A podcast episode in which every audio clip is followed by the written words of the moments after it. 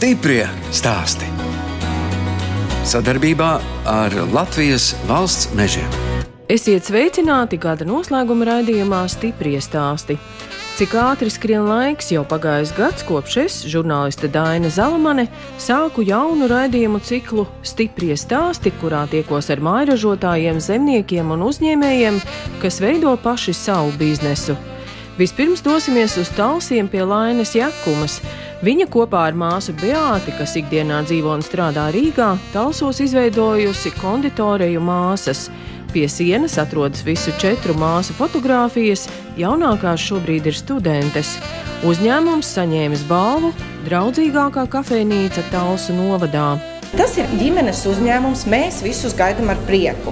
Mēs esam maziņi, mēs katru tausnieku gandrīz pazīstam. Mēs katram tausniekam gribam, lai viņš no šīs konditorijas iziet apmierināts. Tausnieki mūs ļoti atbalsta, un mēs pret visiem cenšamies būt draudzīgus. Tāpēc mums tā nominācija laikam tā arī ir. Jā. Tad, kad manam bērnam palika viens gads, Es mājās nevarēju nosēdēt. Atpakaļ darbā uz Rīgu es vairs neatgriezīšos. Es sāku cept kūkas jau arī, kad man bērniņš bija maziņš. Klientu lokus sāka palikt ar vien lielāks, kāzas ar vien vairāk, ar vien vairāk. Un man piedāvāja piedalīties NVA projektā jauniešu, kur iegūst nelielu sākuma kapitālu, lai varētu atvērt uzņēmumu 3000. Man liekas, ka tā naudas summa ir ļoti liela. Tas bija tāds maza, maza, maza ūdens lāsīte lielajā jūrā, bet beigās jau viss ir ļoti labi. Uzrakstīju projektu, vinnēju. Biju ļoti priecīga. Mums vairs nebija atkāpšanās ceļš. Mums bija jāver vaļā. Kur tad tā cepšana notiek? Šeit. Virtuvē ir gandrīz tā kā mājās. Ja? Jā, jo šis bija iepriekš dzīvoklis. Tāpēc jā, mums viss ir īstenībā kā mājās. Mēģinājām pielāgot telpas konditorijas vajadzībām. Mājās varbūt nevienam nebūtu trīs leduskapji. jā, un tad tur vēl ir leduskapi. Zinot, cik ir Rīgā strādāts lielās virtuvēs, ir grūti tā maziņā, kompaktā telpiņā. Bet nu, mēs esam mazi. Un tāpēc mums ir ērti. Mums īstenībā visas kūkas ir no dabīgām izaivielām. Mēs strādājam tikai ar dabīgiem biezaņiem, saldais krējums, sviests. Mēs cepam un gatavojam vienai dienai, un iepriekšējā dienā, lai mums kūkas paspēj sastingt, ievilkties pa dienu, lai mēs nākošajā dienai sagatavotu, un tā mums no dienas Jā, dienā nav vispār tādu bulciņu. Mums ne? nav miltu izstrādājumu. Tad mums ir medus kūkas Napoleons, kas arī ir tikai plānās šķēlītēs, kārtiņās. Un īstenībā pārējais mums ir uz šokolādēm, musiem, uz svaigajiem sieriem, ogām. Satieku arī Lainas vīru Raivi, kas strādā Norvēģijā. Es strādāju Norvēģijā jau sešus gadus. Nodarbojamies ar auto pūlēšanu un ķīmisko salonu tīrīšanu. Respektīvi, sagatavojam mašīnas priekš autosaloniem, gan jaunas, gan lietotas. Mums ir darba grafiks ļoti pateicīgs. Mums ir ļoti labs priekšnieks, kas mums piedāvāja tieši latviešu strādniekiem tādu grafiku. Divas nedēļas strādā, divas mājās. Mēs tik iekāpam Rīgā lidostā, tā kā ar autobusu pieņemsim no Talsiem līdz Rīgai divas stundas. Tāpat no Rīgas līdz Stavangērai, Norvēģijā, savu dzīves vietu, savu māju mums. Talsos būtu neiespējami atrast darbu. Es domāju, ka būtu iespējams atrast darbu, bet, eh, ja es divas nedēļas strādāju, divas brīvas, tad man sanāk, man gadā atvaļinājums ir pusgads. Vai kāds darbs man varētu piedāvāt ko tādu? Šaubos. Un alga arī, protams, ļoti liels aspekts. Bet tas brīvais laiks, ko var pavadīt ar ģimeni kopā, divas nedēļas, to nevar naudā novērtēt. Un vai ne, nav iebildumu? Protams, ka ir iebildumi, jo gribās jau visu laiku, lai mājās ir. Viņš jau arī vienmēr man to saka, ka es jau tāpatās, ja es strādāšu Latvijā, tas droši vien nebūs Talsos vai Kuldīgā vai Ventspilī, nu, kur ir tie uzņēmumi, ko apstrādāt. Viņš saka, es tāpatās nebūšu mājās. Tā tās divas nedēļas jau ir tiešām labs. Mēs varam ar bērniem pavadīt laiku. Mēs visu varam darīt, tikai nu, tās divas nedēļas jāpaciešās. Vakar ir skumīgāki, bet tad jau atbrauc māsas, mamma. Nu, kur var būt skumīgi, ja ir divi bērni? Tieši tā, nu, arī, jā, nu, protams. Vienmēr ir kāds uz vietas. Tāpēc mēs esam liela ģimene, ka mēs viens otram visu laiku visu palīdzam. Mums ir tik labi vīri, kad viņi tās divas nedēļas, kā viņi ienāk pa durvīm, viņi ļoti vāc bērnus savus, un viņi ļoti mīl viņus. Tas arī ir neparasti. Tik ilgu laiku jau jūs esat kopā no 16, 17 gadu vecuma. Jā, tā. Vieglāk jau ir sastrīdēties un aizmukt katram uz savu pusi. Nu, jā, kā tagad mūsdienās dzied ļoti daudz dziesmās, jāmācās salabot, nevis nomest malā. Un kad pienāks tas brīdis, kad jūs pavisam atgriezīsieties? Pieņemsim tāpat, konditorija bija viens no plāniem. Jo aizbraukt strādāt tikai uz Norvēģiju un labi dzīvot visus tos gadus, tas nav mans plāns. Plāns ir kaut ko investēt, attīstīt. Konditorija bija tāds trīs gadas projekts no mūsu ģimenes budžeta. Tur diezgan daudz naudas aizgāja, kamēr visu izdarījām, iegādājāmies nekustamo īpašumu. Tagad sievai ir biznesa, laiks sāk domāt par savējo.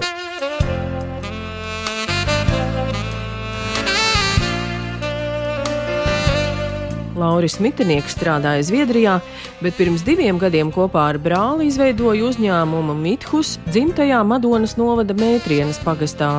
Uzņēmumā būvēja koka karkasa paneļu mājas, un pie Laura strādā arī trīs puiši, kas pirms tam strādāja ārzemēs. Vienmēr ir domāta iespēja, kā atgriezties atpakaļ Latvijā.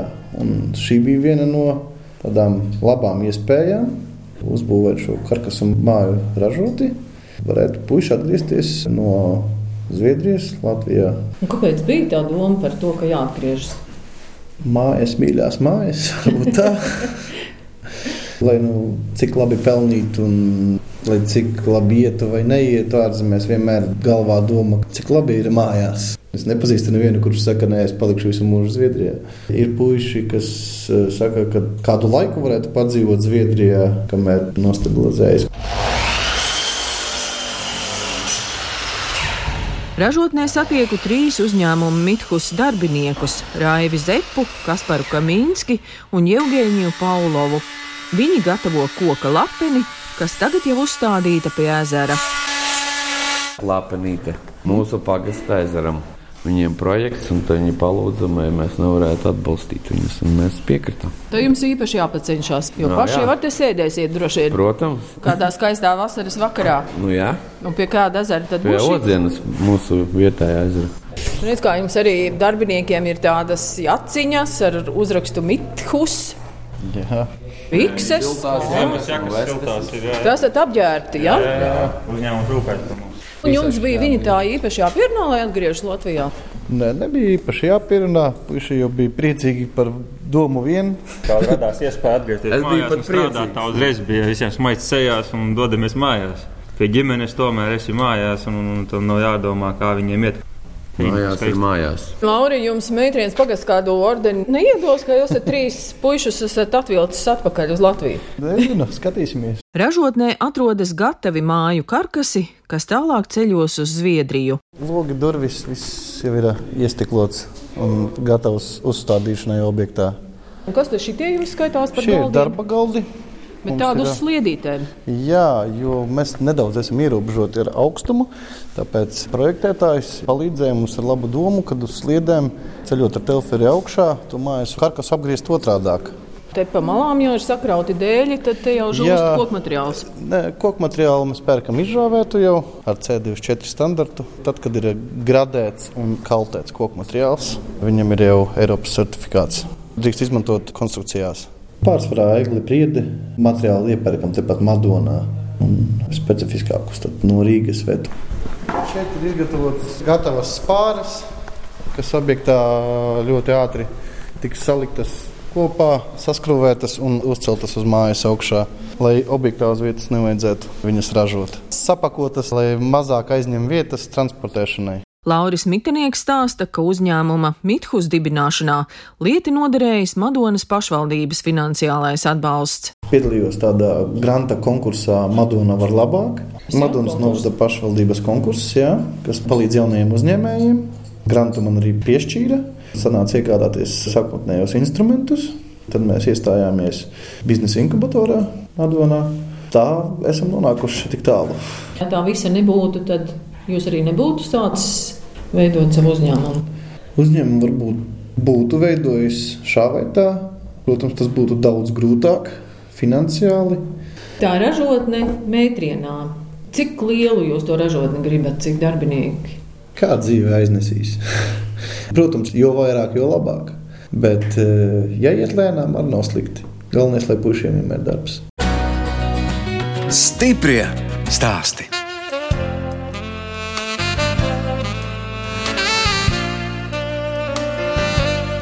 Jūs klausāties gada noslēguma raidījumu stipri stāstī. Kabelis mūža ir viena no Latvijas mūžām, kam paveicies ar jauniem un uzņēmīgiem saimniekiem. Arhitekte Agate Eniņa kopā ar draugu Laumu Grīvu izveidojušas vīna un sidra darītavu un atjaunot divas mūža sēkas, brandvīna brūzi un kungu namu. Šī ir kungu ēka ar 300 gadu stāžu, tādai baroks kas tikai 19. gadsimta sākumā tika nedaudz pārbūvēts, un tad viņi ieguva šos klasicismu vaipus ar jauniem apdars elementiem, pilastriem, dzegām un tam līdzīgi. Šī māja ir celta kā brandvīna brūzis, un šī ir ēka, ko mēs fasādes visas esam jau restaurējuši. Tas bija pagājušā sezonā. Mēs strādājam ar šiem vēsturiskiem materiāliem, ar kaļķa apmetumu, ar liņeļas krāsām logiem, restaurējam visus logus. Un to var darīt tikai sezonas laikā, jo kaļķa apmetumu nevar ziemas sezonā likt. Tāpēc mums ir ļoti strikts grafiks, kad mēs darbojamies ar restaurācijas darbiem. Tāpēc arī tajā fasādē ir tāds savā ziņā raibums. Tas ir tāpēc, ka tā ir kaļķu jāma un kaļķu apmetums. Un tas arī ir skaisti šādos kompleksos. Neuztaisīt tādu nopucētu, glancētu arhitektūru, bet saglabāt to viņa sauru lietas ūdens notekas sistēma un palodas, tas ir skārda elementi. Tie arī visi ir izgatavoti amatnieku darbnīcā, tepat kuldīgā ar rokām. Redzēt tās puķītes notek sistēmai. Iekšējo daļu vēl restaurējuši neesam nemaz tikai ievilkuši daļā ēkas arī apkurt, jo pats svarīgākais bija šeit iegūt siltas telpas. Visvairāk eh, bojā šo ēku tieši tas mitrums, kas rodas no augstām telpām. Neko cenšamies ārā nemest no vēsturiskā. Mēs pat eh, šādas durvis saglabājam. Tās ir vienas no pagrabā durvīm. Tur ka... daži dēļi vairs palikuši. Un, un kāpēc, mēs, kāpēc mēs to darām? Tāpēc, ka šīs virsmas, kas ir saglabājušās, viņas atkal ir ļoti labā stāvoklī. Un viņām var redzēt, kā viņas ir bijušas stiprinātas. Un, ja mēs veidosim vēl kādas durvis pagrabā papildus, tad pēc šī principa to darīsim. Mūža celta pēc tipiskā mūžu plānojuma tā laika tāds tā kā anfilādes princips, kur uh, durvis ir no viena gala līdz otram. Jā. Un ir saglabājušies arī visi šie slēģi, kas ļoti labi darbojas joprojām, pilnīgā kārtībā. Pat liekas neticam, kā var būt, ka viņi pat visi varās un uh, perfekti iet savās uh, šajās kabatās, kur viņiem ir vieta. Unikāla telpa Kabilas mūžā ir Baltā zāle. Agate Eniņa stāsta, ka tā ir otra skaistākā Latvijā pēc Rundāles pilsētas. Griesti, kas veidoti liesmojošā rokoko stilā, vēl gaida restaurāciju. Tagad mēs ienākam skaistākajā zālē. Liesmojošais rokoko, mēs redzam visus tos liesmu motīvus tajā stuka apdarē. Un tās visas puķītes, tas ir roku darbs, katra savādāka. Protams, ka mūsdienās tas ir milzīgs izaicinājums to vispār restaurēt. Te ir tāds skaists galds liels, ko tad jūs esat svinējuši? Mums bija viena balīte, Un, tad, kad šī telpa ir ar cilvēkiem pilna. Viņi pilnīgi atdzīvojas. Droši vien sveces tiek aizvērtas. Sveču gaismā un mūzika. Tā ir ļoti laba akustika. Kāda skaista krēsli. Jā, es lēnām pa dažādiem antikvariātiem un kā kādām izsolēm mēģinu sakomplektēt mums šo apmēbelējumu. Jo mūžā Laikam vienīgā mēbele, kas ir saglabājusies, tas ir tas baltais skats. Vairāk mēbeļu šeit nebija. Smieklīgs ir stāsts par to, kā man šķiet, ka es esmu tik daudz mēbeles iegādājusies. Man būs ko aprīkot visas telpas. Piekrāvām divus lielos autofurgonus ar mēbelēm, atvedām. Un ko es sapratu, ka man pietiek vienai telpai. Un, uh, tas ir tas mēroga jautājums, jo telpā ir 60 km2. Tas jau tāds paliels divu stāvu dzīvoklis. Bet tā krāsnīca šeit arī ir saglabājusies. Tā gan izstāsta no vecām laikiem. Tas ir valsts nozīmes mākslas piemineklis. Krāsns arī gaida savu restaurāciju. Kopā ar Agati Eniņu dodamies uz mūžas pagrabiem, kuru atjaunošanā ieguldīts liels darbs. Te atrodas vīna darītava. Tad, kad mēs šeit atnācām, šeit nevarēja tikt iekšā. Mēs līdzām pa vienu lodziņu iekšā, norakām šo milzīgo slāni. Divi metri apmēram, jā? Apmēram, jā, divi metri, tādi milzīgi kalni. Rudenī atbraucām, un līdz ceļiem šeit bija ūdens. Tas bija tā tāds milzīgs basēns. Jau padomu laikos bija sabojāta vēsturiskā drenāža sistēma mūžā, un uh, ūdens šeit krājās. Un mēs apmēram gadu cīnījāmies, lai šo ūdeni dabūtu ārā no pagrabiem, lai grīda būtu sausa. Un grīdas ir eh, saliktas drenāžas caurulītes, kas pilnīgi visu nosedz, tad viņas sakrājas apkā un tālāk tiek izpumpēti ārā šie ūdeņi. Kāda skaista tā kolonna! Jā, tas ir um, krusta velves četras, kas tiek balstītas vidusdaļā. Un te rūtas, tāpēc, ka te tiek žāvēti pagrabi. Jā, šī ir uh, jau pēcapstrādes telpa, kur mēs spildam uh, vīnu pudelēs. Un šī ir atpūtas telpa, mans lepnums. Pirmo reizi mūžā ir siltais ūdens un kanalizācija. Tā te nekad, nekad nav bijis visu šo 300 gadu laikā. Pirmo reizi arī centrāla apkūra ēkā, jo, protams, ka kādreiz ēkā bija tikai krāšņu apkūra. Mūžas atjaunošana maksā dārgi. Rakstat arī kādus projektus vai Eiropas projektus vai kādus citus? Kopumā pieci projekti, kur divi ir pabeigti un trīs procesā un nepārtraukti meklēju jaunus līdzfinansējuma iespējas. Tas ir liels atvieglojums mums arī. Pats grūtākais šajā piesaistīšanas procesā ir tieši šis līdzfinansējums no savas puses, jo mums sākotnēji ir jāiegulda pilnīgi simtprocentīgi savi līdzekļi, un tikai tad, kad šis projekts ir pabeigts, mēs varam kaut kādu daļu atgūt no tās ieguldītās naudas. Summas nav lielas. Fasādē tie bija 10,000 eiro piesaistītie, logiem apmēram 5,000 un pagrabam tie ir 35,000. Protams, ja nav vēlme pašam ieguldīt savu darbu, savu laiku, tad nekas neizdosies.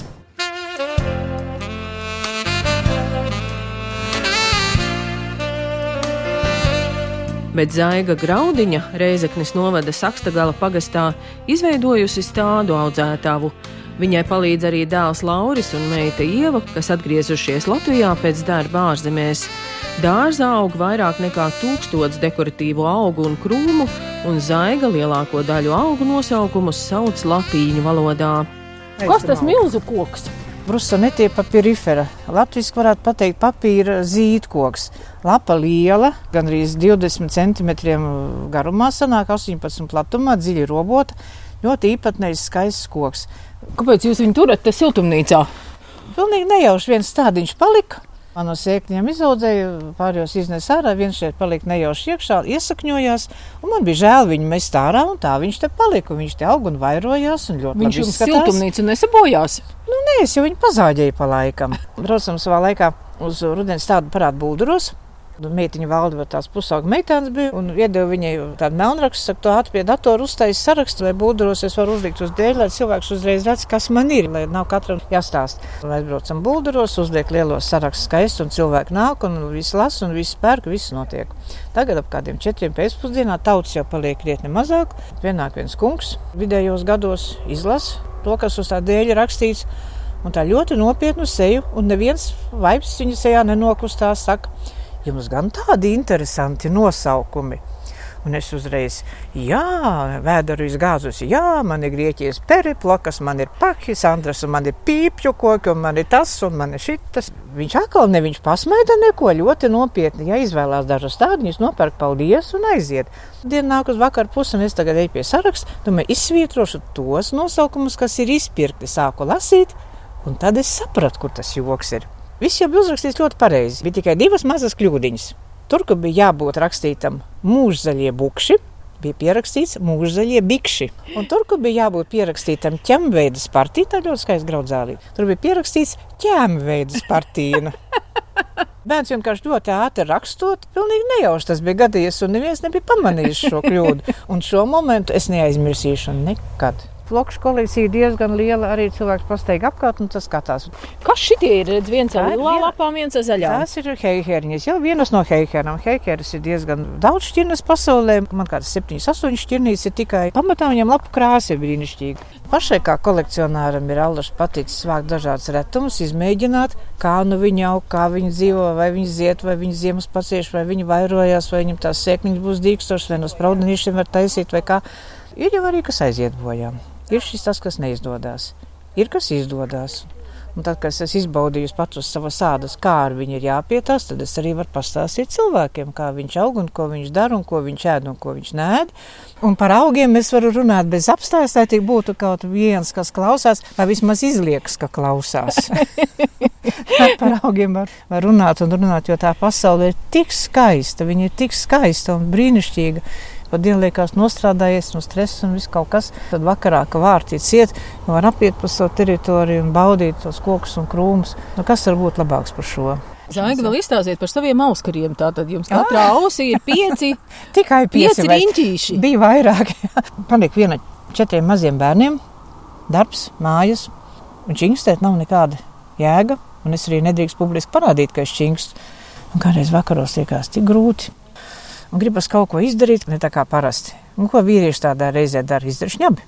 Es nevaru atļauties, jo man, man ir bērni un darbs un darbs un vispārējais. Izdarīsim ausī caurumu. Paiet kāds laiks, atkal uznāk kāds brīdis, ka tā un tā man, tā, man tās ausis bija pilnas ar auskariem. Bet tā jau laba zīme, ka tagad ir mazāk tie auskari, tad jau tas grūtums ir pāri. Viens, ja? viens brīdis bija tāds, ka man vajadzēja izņemt ārā, un kaut kā es neieliku uzreiz atpakaļ, un tie cauri viņa aizvilkās ciet, un tam man viņa tad palika. Tik viens, cik ir, vairs tikai pa pieci katrā ausī. ar gadiem jau mēs sākam vairāk pievērsties tādam drusku garīgākām lietām. Sākumā skrien, skrien, skrien, skrien tā kā iejaukt zirga sauļos un nedomā neko. Un es arī reizēm domāju, kāda jēga ir tam, ko es daru un kāpēc es vispār to daru. Es varētu mierīgi sēdēt, saņemt savu pensiju, iet uz kādām večiņu sapulcēm, tamborēt, radīt un tā tālāk, kādas kūciņas. Bet tas mani neuzrunā. Es eju, es roku, es gādāju jaunus tādus, es mēģinu viņus stādīt, sēt, pavairot, spraudiņot un tā tālāk. Acīm redzot, tā tam vajadzēja būt.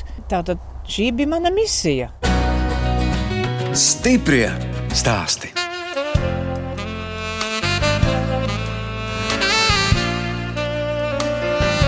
Skan gada noslēguma raidījums Stiprie stāsti. Radījuma nobeigumā tiksimies ar Lauru Čerpīnsku no vecumnieku novada Stelpes pagasta līdumiem. Laura no vecākiem, Jāņa un Inetes klāviņiem, pārņēmusi zemnieku saimniecību un audzē aitas, vistas un gaļas lielopus. Tās aitas jums tādas komunikablas vai ne? Pieradušas pie, pie apmeklētājiem. Nu, vecās aitas, jaunās aitas tādas bija, bet uh, vecās aitas, jā. Viņ... Bet izstāstīja, ka jums ir šķirnes ganāmpulks, jā? Ja? Nē. Nē? No. Vecais tumšgalvas. Papīra nav, bet tā jau viņas ir mūsu apstākļiem domātas, neslimo. Porniņu galvas visam melnas ir tur. Cik tu bieži tās aitiņas dabū graudiņus? Tas jau tik tāds kārumiņš, vai ne? Tad, kad vajag noķert uz realizāciju, tad manam iekšā kūtī vīrs jau tas, un tad vairāk staigā pie lopiņiem un baro un nes visādus gardumus un vecē. Kā te jūs viņas cērpat, rekādas smukas tagad ir? Tagad speciāls ir pēcbrauc ziemā. Kūtī tas silts, un tā, kad esās tie jēri, tad ir vieglāk zīdīt tos ieriņus. Kaut gan jau pēc vecām sentām metodēm čirpa jau tikai pavasarī vai rudenī, august mēnesī, bet mēs viens vienreiz gadā pagaidām viss tā normāli.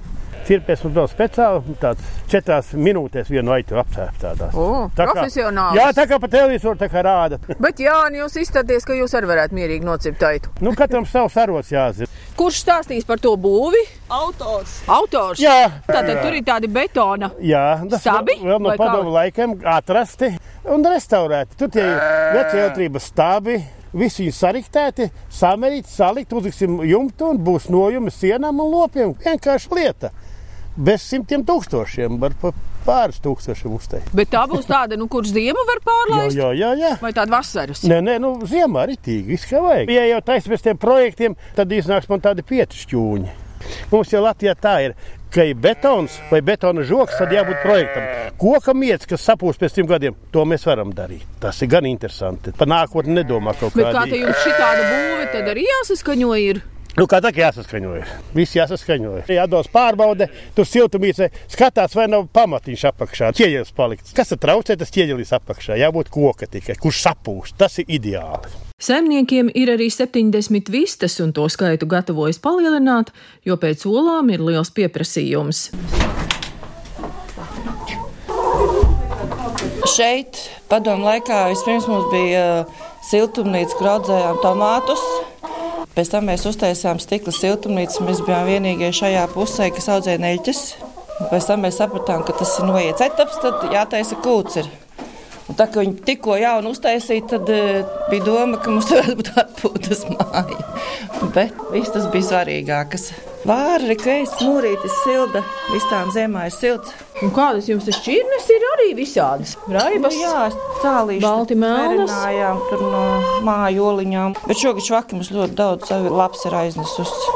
Nākošais mums projektā ir uztaisīt kārtīgus ar žogus, lai viņi stāv ar brīvāk justies. Pirms diviem gadiem vispār bija traģēdija. Mums cauna tika iekšā pa ventilāciju. No 70 vistām palika 5. Bet pagalmā stāv pārvietojamā piekabe, ko saimnieki dēvē par uzkodu namiņu.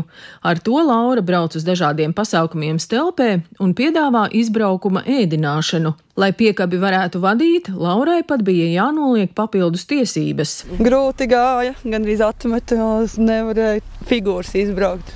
Mašīnai pieliek to vagoniņu aizmugurē, un tad ar visu jāizbrauc. Jā, ja? tā kā braukšanas eksāmenis tikai ir piekāpe. Vismaz līdz vecumniekiem aizbraukt varat, jā? Ja? Nē, nu arī, ja vajag arī tālāk, bet nu, vecākos mums ir arī tas, kā teikt, savs klientu loks, viņi pasākumos jau redzams, esam atbraukuši sports svētki, tur novada dziesmu svētkos, lilijas svētki, nu, tā pa novadu. Un ko te jūs tirgojat? Kādas uzkodas? Nu, mājās, kas ir audzētas, paši taisam frī kartupeļus no saviem kartupeļiem pelēkos zirņus ar čirpuļiem, tur kaut kādas putras, zupas. Kas tie čirpuļi? Traknumiņu čirpuļi. À, tā kārtīgi sacepti, jā? Jā, jā cauraudzējis sacepts, jā. Karstāks ar saldējumu kokteļus. Laura Čerpīnska uzskata, ka lauku saimniecībā jābūt dažādībai.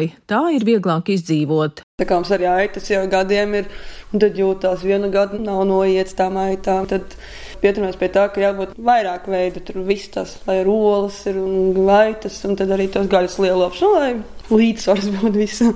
Gribam mājas bišķiņi samazināt. Un kāds tas jūsu mērķis, cik gaļas lielops? 11, lai vidē rēķina, lai mēnesī tā kā vienu to bullīti vai telīti var nodot, un tā tāda savu veidu aldziņa būtu. Jā, būs par maz. Nu, vēl jau mammai ir 21 labs. Tur jau mammai arī braucu tāpat ja vasarā ganas lieku, visu kaut ko, un tad tā, lai arī nav pārāk daudz, kad netiekam galā. Savs stāsts Jānim Klāviņam ir par to, kā ticis pie zirga un ratiem, kam tagad pat atvēlēta vesela nojume. Atmetu pīpēšanu un par to naudu nopirku zirgu un ratus. Kur te jūs braucat ar to zirgu un ratiem? Nu, pavizinu kādu, kādu skāzes aizvedu. Iepriekšējos gados, kad braucam uz to muzeju, kas mums blakus ir tas augstākais dzirnavs. Tur katru pavasaru rudenī, jā, es tur āru kartupeļus. Un... un kur jūs tādus ratus dabūjāt? Valmierā pārdeves ieraudzīju. Tie ir mūsdienās taisīti. Jā, jā tikai tie riteņi, tie veci, bet nu, šis te augšā viss kaut kas uztaisīs. Šitie rati man uztaisīs tas sev bez vietējais meistars. Šie ir siena. Nu, Ora saucās. Tā ir visādi droši, bet oras nav nekur. Bet jūs viņus arī izmantojat? Jums ir tie traktori. Kāds skaits, ka izmantoja? Saliek mazbērns, kā es izveru cauri, tad vizinu visus, pasties visus saliek. Nu, Nevis sienu, nu, sienu vedat, bet mazbērns. Jā, ja? sienu iekšā mazbērns. Gulēt var iekšā vasarā, ieliet sienu un guli. Nu, nu forši. Raidījums sauc stiprie stāsti.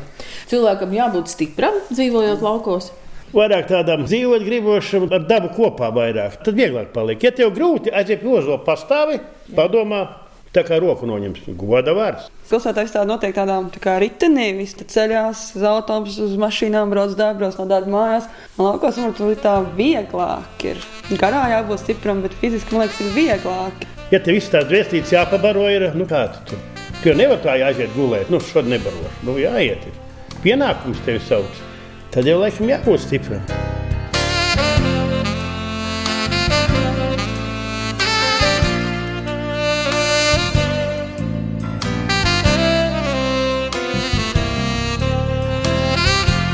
Izskan 2019. gada pēdējais raidījums Stiprie stāsti. Šogad daudzi manu raidījumu varoņi bijuši gados jauni cilvēki, kas vēl ir savu darbu gaitas sākumā, bet nebaidās riskēt un veidot paši savus uzņēmumus. Ja kāda stāsts jūs šodien īpaši uzrunāja, atgādināšu, ka visus raidījumu ierakstus varat noklausīties Latvijas Rādio 1 mājaslapā. Laimīgu un rosīgu jauno gadu jums novēl žurnāliste Daina Zalamane un operātore Inga Bēdelē. Uz tikšanos atkal jaunajā gadā!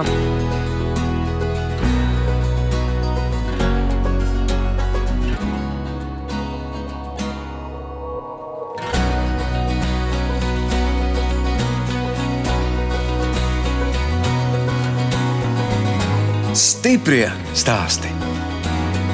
Sadarbībā ar Latvijas valsts mežiem.